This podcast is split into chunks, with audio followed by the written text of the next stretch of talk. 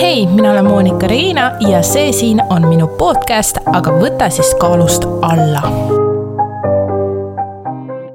hei, hei, Monika Regina jälle siin ja see on teine osa minu podcastist, aga võta siis kaalust alla.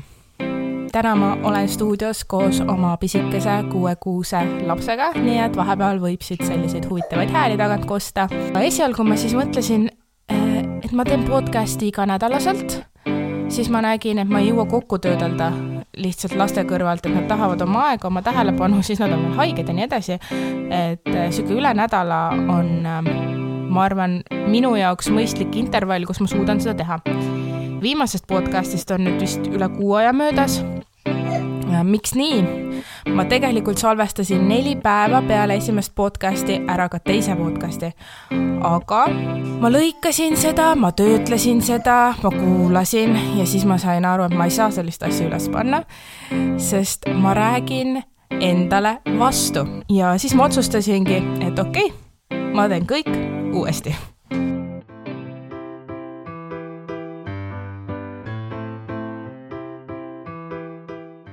ma alustan koolikiusamisega eh, just sellepärast, et see on võib-olla kõige, kõige karmim minu jaoks, mis kestis väga pikalt ja mis viis mind tegelikult väga sügava depressioonini. ma ei saanud ise aru, et see on depressioon. ja depressioonist ma arvan, et ma teen ka eraldi podcast'i, kuid ma siis räägingi hetkel sellest kõigest eelnevast ehk siis kiusamisest. millal minust sai kiusatav? minust sai kiusatav teises klassis võib-olla isegi esimese klassi lõpus, sest esimesse klassi minnes mul siis tekkis oma raha ja ma kulutasin selle erinevate maiustuste peale, sest kodus need olid pigem niisugune harva saadavad, et siis, siis tekkis see hetk, et oh, nüüd ma saan endale lubada, ma ostsin kotitäite viisi ja ma paisusin nagu pärmisaiake. aga ma ei osanud nagu too aeg mõelda või neid kahte asja kokku viia väga nagu ei räägitud sellist tervislikust toitumisest, tollel ajal võib-olla, no see oli kakskümmend aastat umbes tagasi, ei olnud ka see ülekaalulisus võib-olla nii suur probleem, aga, aga jah, mina paisusin ja see loomulikult ei jäänud teistele märkamata. ja nagu ikka, lapsed on õelad, otsitakse ohvrit ja mind hakati kutsuma erinevate nimedega, tuldi füüsiliselt kallale, togiti, sorgiti ja minu koolipäev mööduski nii, et ma tulin kooli ma lihtsalt mõtlesin, et oh, palun, et seda kiusamist oleks võimalikult vähe ähm,. mul oli üks sõbranna, temaga ma täna enam ei suhtle, üheksandast klassist see suhtlus katkes. aga ma arvan, et kui teda ei oleks olnud, ma oleks täiesti üksi olnud, siis see asi oleks veel hullem olnud ja kuna mind kiusati, siis loomulikult kiusati ka teda, sellepärast et tema suhtleb minuga. see on nii haige, kui võtta see nagu lahti. et see, see on nii kurb ja mul oli nagu tema pärast ka tegelikult nagu väga kahju. tema, tema oli vastupidi, tema oli Piits Peenike. ja, ja siis noh, meile pandigi igasuguseid nimesid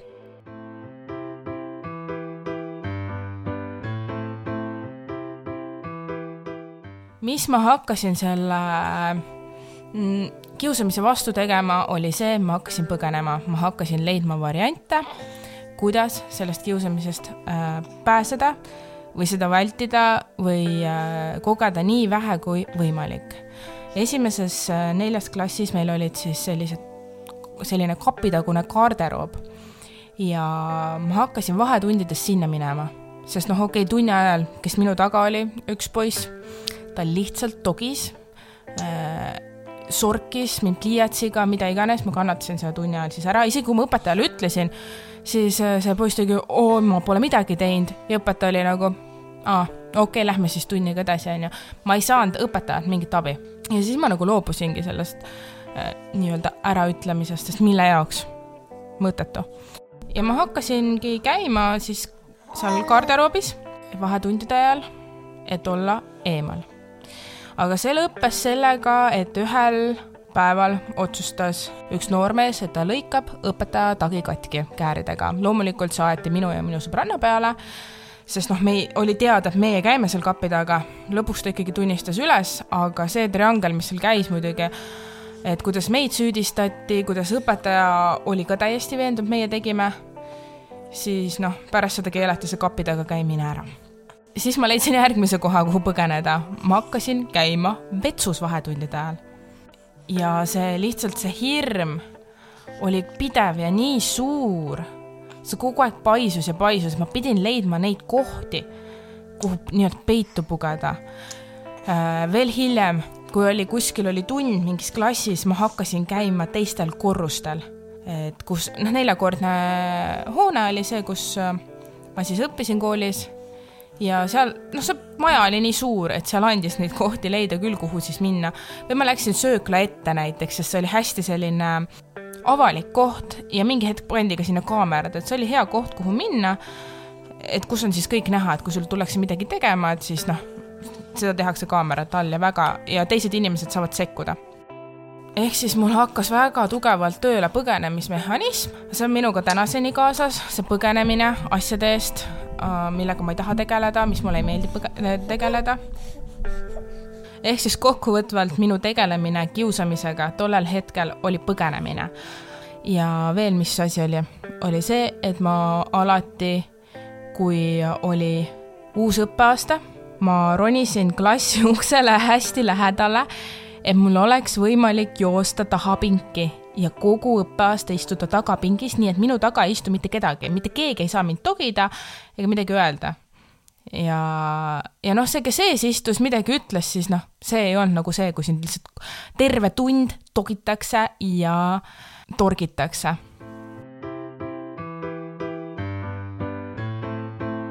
ma siis räägin, mida täiskasvanud tegid sellel ajal, kui mind kiusati. minu ema käis ühe või kaks korda vist nende poistega rääkimas, kes mind kiusasid. ma ei julenud minna emaga kaasa ja ma ei tea, mis nad kokku rääkisid, igal juhul minu ema ist tuli autosse tagasi ja ta oli nagu, põhimõtteliselt poisid ütlesid, sina kiusad neid. ja siis mul oli nagu, ah, mida? ühesõnaga sealt nagu ei tulnud, see vist natukene vaibus mingiks ajaks ja siis hakkas uuesti pihta. kui ma rääkisin õpetajale, siis äh, õpetaja ei tahtnud sellega väga tegeleda, ta proovis, aga see ei aidanud ehk siis nagu võib-olla mõneks tunniks aitas ja see läks jälle edasi, salaja hakati veel rohkem tegema, nii et äh, ma sain aru, sellest pole ka abi. lõpuks ma olin nii läbi, et ma läksin kuuendas või seitsmendas klassis koolipsühholoogi juurde, see oli seitsmes klass vist. ütlesin, et ma ei suuda enam selle kiusamisega hakkama saada, palun aidake mind. ja koolipsühholoog ütles mulle, aga ära tee välja ja võib-olla sa oled hoopis ise süüdi, et sind kiusatakse. ja mul oli nagu, mida asja nagu kuidas üks psühholoog saab mulle nii öelda? ja siis mul oligi täiesti ükskõik juba, ma mõtlesin, et mitte keegi ei aita mind. ma ei saa, ma ei saa kuskilt abi. mis mind aitas sellest kiusamisest välja, oligi minu tolleaegne sõbranna, kes siis hakkas minu eest seisma. aga vaadake, kui keegi teine seisab sinu eest, see ei ole nagu päris see, et tema sai ka seda kiusu siis selle eest, et ta üldse seal midagi, midagi ütles aga, aga ta andis mulle nagu väga palju sellist äh, inspiratsiooni ja me rääkisime, et kuidas neile kiusajatele vastu hakata. Ja ühel hetkel hakkaski see, et ma hakkasin vastu, ma hakkasin vastu ütlema ja enda eest seisma. teine asi muidugi oli see, et ähm, ma toitumises laskun pikemalt sellesse, mis mul juhtus, aga ma võtsin kaalust alla ja ma olin täiesti normaalkaalus, kuigi ma ise arvasin, et ma olen ilgelt rõve ja paks. aga ma olin tegelikult piltidelt tagantjärgi vaadates, ma olin väga okei okay., ma kaalusin kuskil viiskümmend üheksa kuni kuuskümmend viis, midagi sinna vahemikku. ja, ja ma hakkasingi vastu ütlema, et oi, et sa pöörad mulle tähelepanu, et ma tean, et ma tegelikult meeldin sulle, et eks sa sellepärast siis äh, mul tähelepanu pööradki. või et noh, kes lööb, see armastab või, või kui keegi tõesti seal noh, arvas, et tema arvamus läheb mulle korda, siis ma tegin mis keegi räägib siin või, ei kuule, mingi sumisemine käib, et sa said aru või? et noh, siuksed ähm,, siuksed väiksed lihtsad nipid, mida ma hakkasin tegema ja päris äh, ruttu tegelikult ka kiusajad said aru, et äh, sellel kiusamisel ei ole mõtet, see jookse-, see on minu, mulle nagu hane selga vesi. see oli see väline pool, see, mis ma seesmiselt tundsin, oli pidev hirm, selline ärevus kogu aeg enda sees, mul oli tegelikult väga-väga vastik. ja see kulmineerus sellega, et ma ei tahtnud enam koolis käia, ma hakkasin seda vältima ja eriti ma olin gümnaasiumis jõudnud sinna punkti, kus ma ei käinud enam koolis.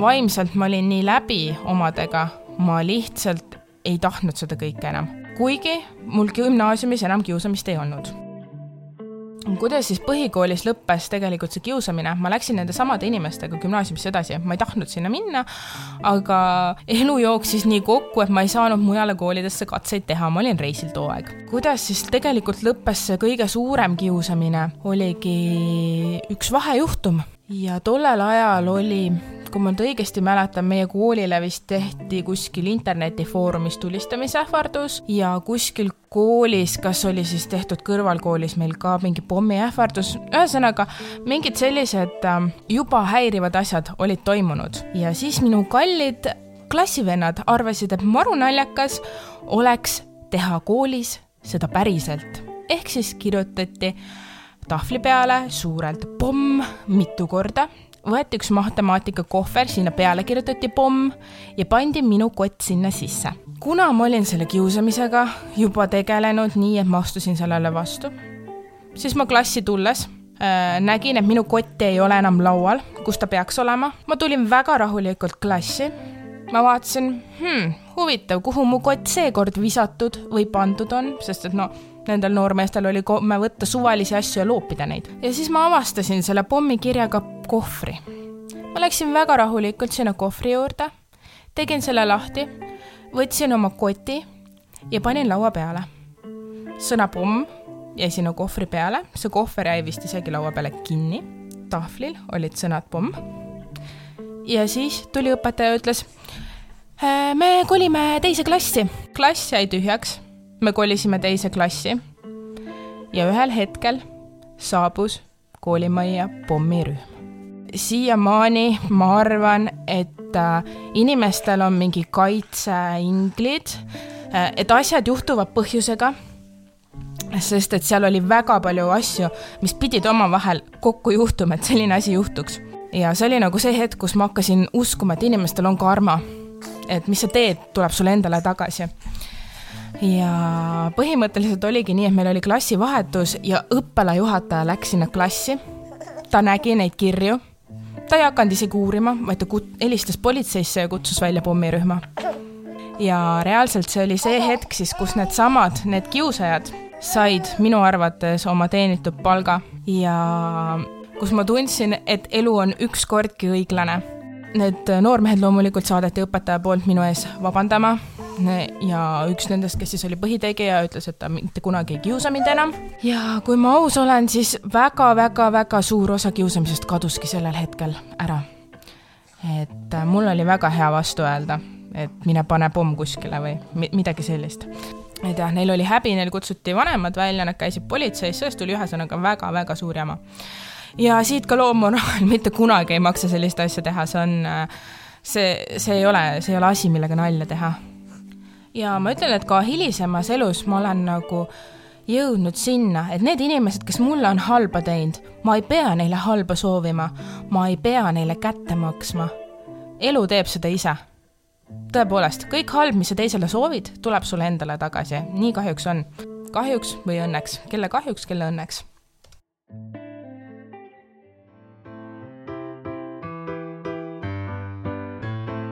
ja kuigi põhikoolis sai see kiusamine siis oma lõpu ikkagi väga suurel määral, siis äh, gümnaasiumisse tuli minu äh, põhikooliaegse sõbranna teine sõbranna, kes oli mind juba neti teel kiusanud, kirjutanud igasuguseid inetusi äh,, väga-väga rõveda suuvärgiga tüdruk.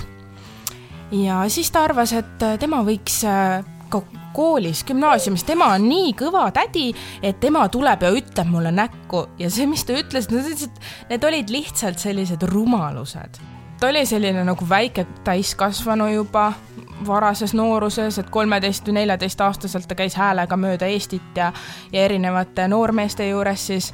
Ja, ja siis oligi nagu natuke naljakas minu jaoks, et ta tuleb mulle mingeid nimesid panema. Ja ühel hetkel ta ikkagi jõudis ka sinnamaale, kus ta enam ei ei käinud koolis, ma nägin, et tema sõbrad tegelikult ei kannatanud teda, sest ta oligi väga sõnakas, ta arvas endast äh, või tähem-, vähemalt ta näitas, et ta arvab endast jõle hästi. Ja ma lihtsalt proovisin samamoodi vältida. ma ei hakanud sellele vastu, ma ei viitsinud sellega tegeleda üldse, ma lõikasin ta enda elust välja, ma vaatasin tal lolli näoga ainult otsa ja lasin tal rääkida.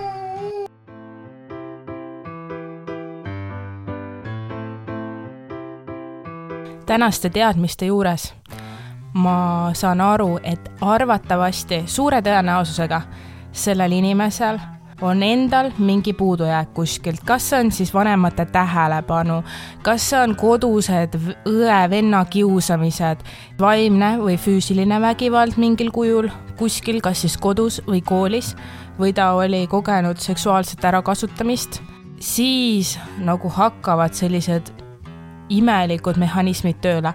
ja muidugi on alati ka variant, lihtsalt ajukeemias on midagi valesti ja üleüldse tegelikult äh, sellistel kiusajatel on endal mingi puudujääk kuskilt, see on siis see, mida nemad tulevad ja elavad selle nõrgema peal välja.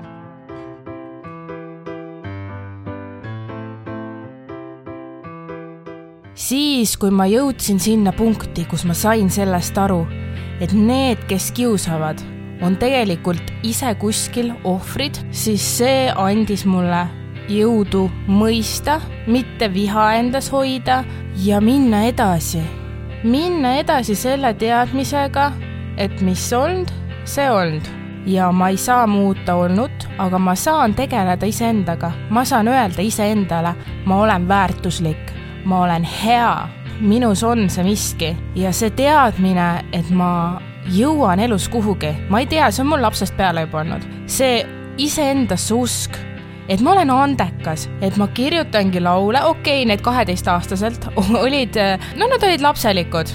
Ja võib-olla tänapäeval ma ei ole ka mingi maailma tipptasemel laulukirjutaja, aga ma arvan, et minus on miski. Ja see ei pruugi isegi ka muusikaga olla seotud, aga ma usun iseendasse ja ka nendel rasketel hetkedel on mul, minus olnud alati usk iseendasse, see on põhjus, miks ma siiamaani elan. et minus on see võitleja hing aga depressioonist ja kõigest sellest mõttest ma tahaksin teha väga eraldi podcast'i, kus ma siis selgitan laiemalt ka depressioonis inimese mõttemaailma ja nägemust elus, kuidas nemad näevad teisi, kuidas nad mõtestavad asju ja loomulikult see võib inimestel olla täiesti erinev, aga ma räägin siis ka enda sellisest, just en, läbi enda kogemuse.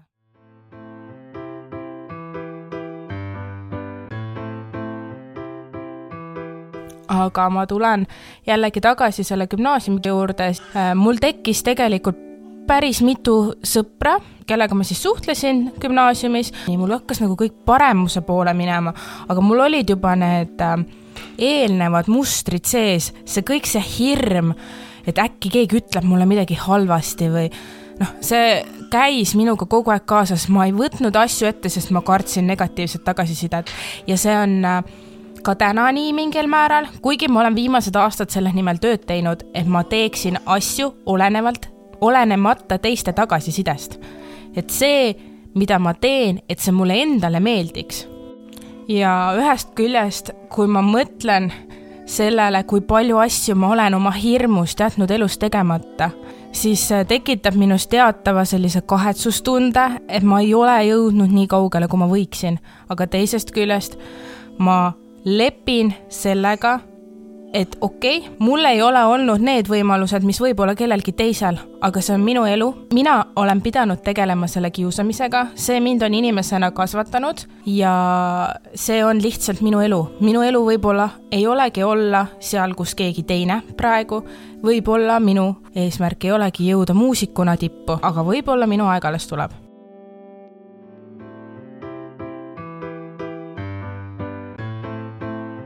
see selline endale ka andeks andmine on väga suur asi, millega ma tegelen ikkagi siiamaani, aga ma arvan, et see enda mõtteviisi muutmine, et see teiste süüdistamine, ma ei süüdista enam, et issand, need kiusajad nüüd rikkusid mu elu ära. ei, see kiusamine ka andis mulle väga palju. ta tegi mind väga tugevaks selles osas, et mind ei huvitagi enam, mida teised arvavad. ma saan aru, et need inimesed on järelikult ise kiusatavad. Neil on endal midagi viga, aga nad näevad seda midagi, mis neid häirib minus, mida nad tahaks võib-olla, et neil oleks, või nad leiavad minus kui lihtsa ohvri, et ma olen, ma olen lihtne, kellele midagi öelda ja ma olen teistmoodi, ma olen erinev, et see tegelikult ei olegi seotud minu kui isikuga vaid see on seotud nendega, need, kes kiusavad, see on seotud nendega. ja ma tahaksin ära ka rääkida ühe asja, et, et mina ei ole olnud ainult ohver, vaid see kiusamine sünnitab kiusamist ja seda on väga õudne öelda, aga ma olen olnud ka ise kiusaja ma leidsin ka endast nõrgemad, kellele siis hakata nii-öelda ajudele käima koolis. üks on minu väga hea sõbranna tänaseks ja mul on nagu siiralt kahju, et ma ütlesin neid asju, mida ma ütlesin, et ma käisin, ma nagu proovisin mitte õel olla, aga teisest küljest ma nagu elasin võib-olla mingil määral välja ennast. ma tean, et ta kuulab seda podcast'i. Ja ma ütlen ausalt, et tegelikult kohe algusest peale ma tundsin, et see on vale, mida ma teen. Ja tänasel päeval ma nagu vaatan ja mõtlen neid asju nagu täiesti teistmoodi, et mina ei näinud, mis tema elus toimub too hetk ju et ta oligi minu jaoks nii-öelda jälle teistmoodi. Ja samas nagu ühel hetkel ma sain aru, et ta on nagu mina.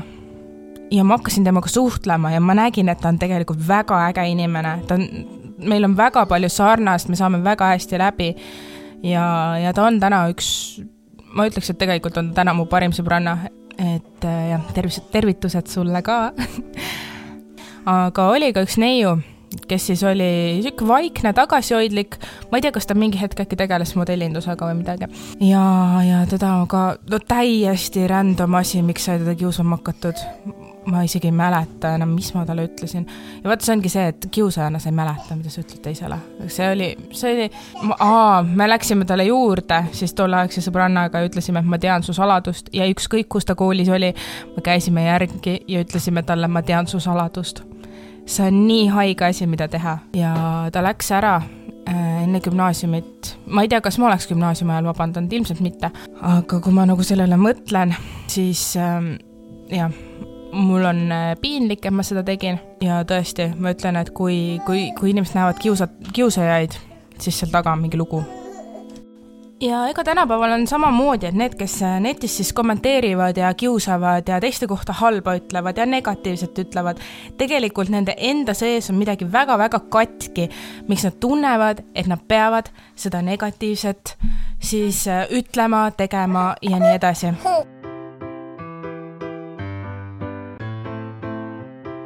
ja siin ma siis jõuangi selleni, et tegelikult ma olen ka kokku puutunud töökiusuga kahes töökohas. esimene oli siis Eesti Pagaris, äh, ma töötasin seal appi väga ammu, ühesõnaga see oli äh, üheksa aastat tagasi, see oli minu esimene töökoht. mul oli kõik seal väga fine, ma sain inimestega läbi, äh, ma ei ussitanud seal, ma teadsin, kes kelle vastu ussitab ja nii edasi, aga ma ei rääkinud seda kellelegi edasi, okei. Okay.. ja siis tuli sinna dekreedist tagasi üks naisterahvas. Ja teda nii häiris, häiris, et ma sain läbi nende inimestega, kellega siis tema oli varasemalt suhelnud. ja ta konkreetselt hakkas mind harjaga lööma, ta hakkas mulle igasuguseid asju ütlema ja mul tekkis see täpselt seesama tunne nagu koolis käies, et ma hakkasin vältima ja õige pea ma tegelikult tulingi sealt töölt ära. see inimene ise, ütleme ka nii, et äh, see jällegi kinnitab mu teooriat, et sellel inimesel on endal midagi viga. Äh, tal on väga suured sotsiaalsed probleemid, ma ei hakka lahkama, mis ma tean, mis see on ja minu eesmärk siin ei olegi kellelegi äh, ära panna või kätte maksta, aga lihtsalt ka iseenda jaoks mõista, et need inimesed on ise probleemsed. et nende elu on väga suuri probleeme täis ja siis nad leiavad endale ohvri.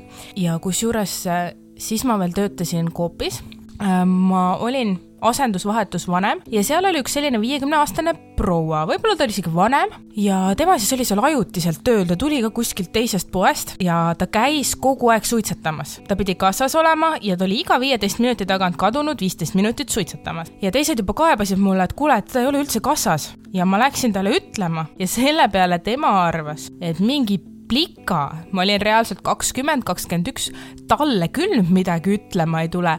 käis ja rääkis kõigile, kui vastik ma olen ja kui imelik ja mis iganes.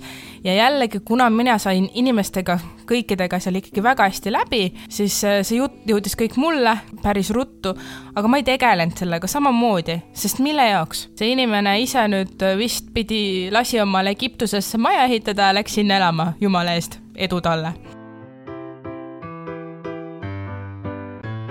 ja üks teema, mida ma võib-olla väga ei tahagi puudutada, on selline ka kodus suhtlus siis vanematega, et ma saan aru tagantjärgi, et eks nad tahtsid head, aga ka sealt noh, mul oligi, ma kiusamise osas väga suurt toetust ei saanud, ma hoidsin väga palju ka kodus omaette. Minu põgenemismaailm ja mis ma arvan ka tänapäeval lastel on väga palju, ongi see internet ja arvuti. et okei okay,, üks asi on ja see, et see on väga selline kaasahaarav, aga teine asi on see, et sa saad olla keegi teine, sa ei pea olema sina ise ja ma arvan, et minul ka internetis oli see, et ma rääkisin väga palju, väga võõrastele inimestele välja oma mõtteid, kuidas mul päev läks mul olid ka mõned sellised lähedasemad sõbrad, kellele ma rääkisin. Ja ma arvan, et see ongi see, et sa ei pea päriselt suhtlema, et see on nagu see põgenemismaailm. Väga palju nendele, eriti nendele lastele, kes on kiusatavad. Ja see võib kulmineeruda sellega, et nad on internetis ise kiusajad.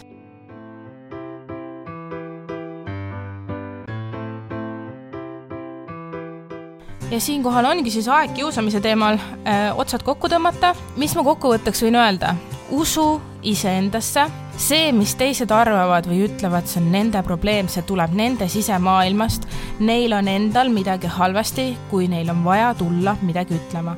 seni, kuni sa usud iseendasse kuni lõpuni välja, et sa tuled sellest kõigest välja, siis sa tuled välja ja ka ma ütlen, et kes on puutunud kokku kiusamisega ja kes süüdistavad enda vaimsetes, tänastes vaimsetes probleemides teisi, kes on kiusanud, äh, sa ei saa sellest enne, inimesed ei saa sellest enne üle, kui nad annavad andeks, kui nad mõistavad, et kiusad, kiusajad on või olid samamoodi ohvrid, et nende sees oli ka midagi katki ja see oli nende väljund. See, et sina olid ohver, jah, sellega tuleb leppida, et elu ongi ebaõiglane. Ja minna edasi, anda nendele inimestele andeks, mitte viha pidada, mitte soovida neile halba, see halb energia tuleb sulle endale tagasi, see, see sööb sind seest. Ja see võib-olla on ka mõnede inimeste sõltuvusprobleemide põhjus, näiteks joomine, suitsetamine, et nad ei tegele sellega, et ennast ravida, vaid nad suunavad selle viha siis kuskile mujale. Või need emotsioonid, need tunded vaigistavad valu. ja loomulikult ümbritsege ennast nende inimestega, kes teid hoiavad, kes ütlevad, kui äge te olete, kuidas te saate hakkama, et täna ma olen ennast kuidagi proovinud ja proovin ka edaspidi ümbritseda inimestega, kes mind inspireerivad ja, ja kes on ise võib-olla ma ei saa öelda, et nad on terved, sest et ma arvan, et inimene ei saagi kunagi nii-öelda terveks. Need äh, erinevad emotsioonid ja haavad tulevad erinevates olukordades meil lihtsalt esile, mida, millega me ei teagi tegeleda, enne kui need ette tulevad. Ja muidugi, mis minu, minu jaoks oli väga suur õppetund, seisa enda eest ja hakka vastu. muidu see kiusamine ei lõppegi ära kurb on see, et me ei saa tegelikult kiusamisest lahti, seni kuni me ei suuna inimest iseendaga tegelema.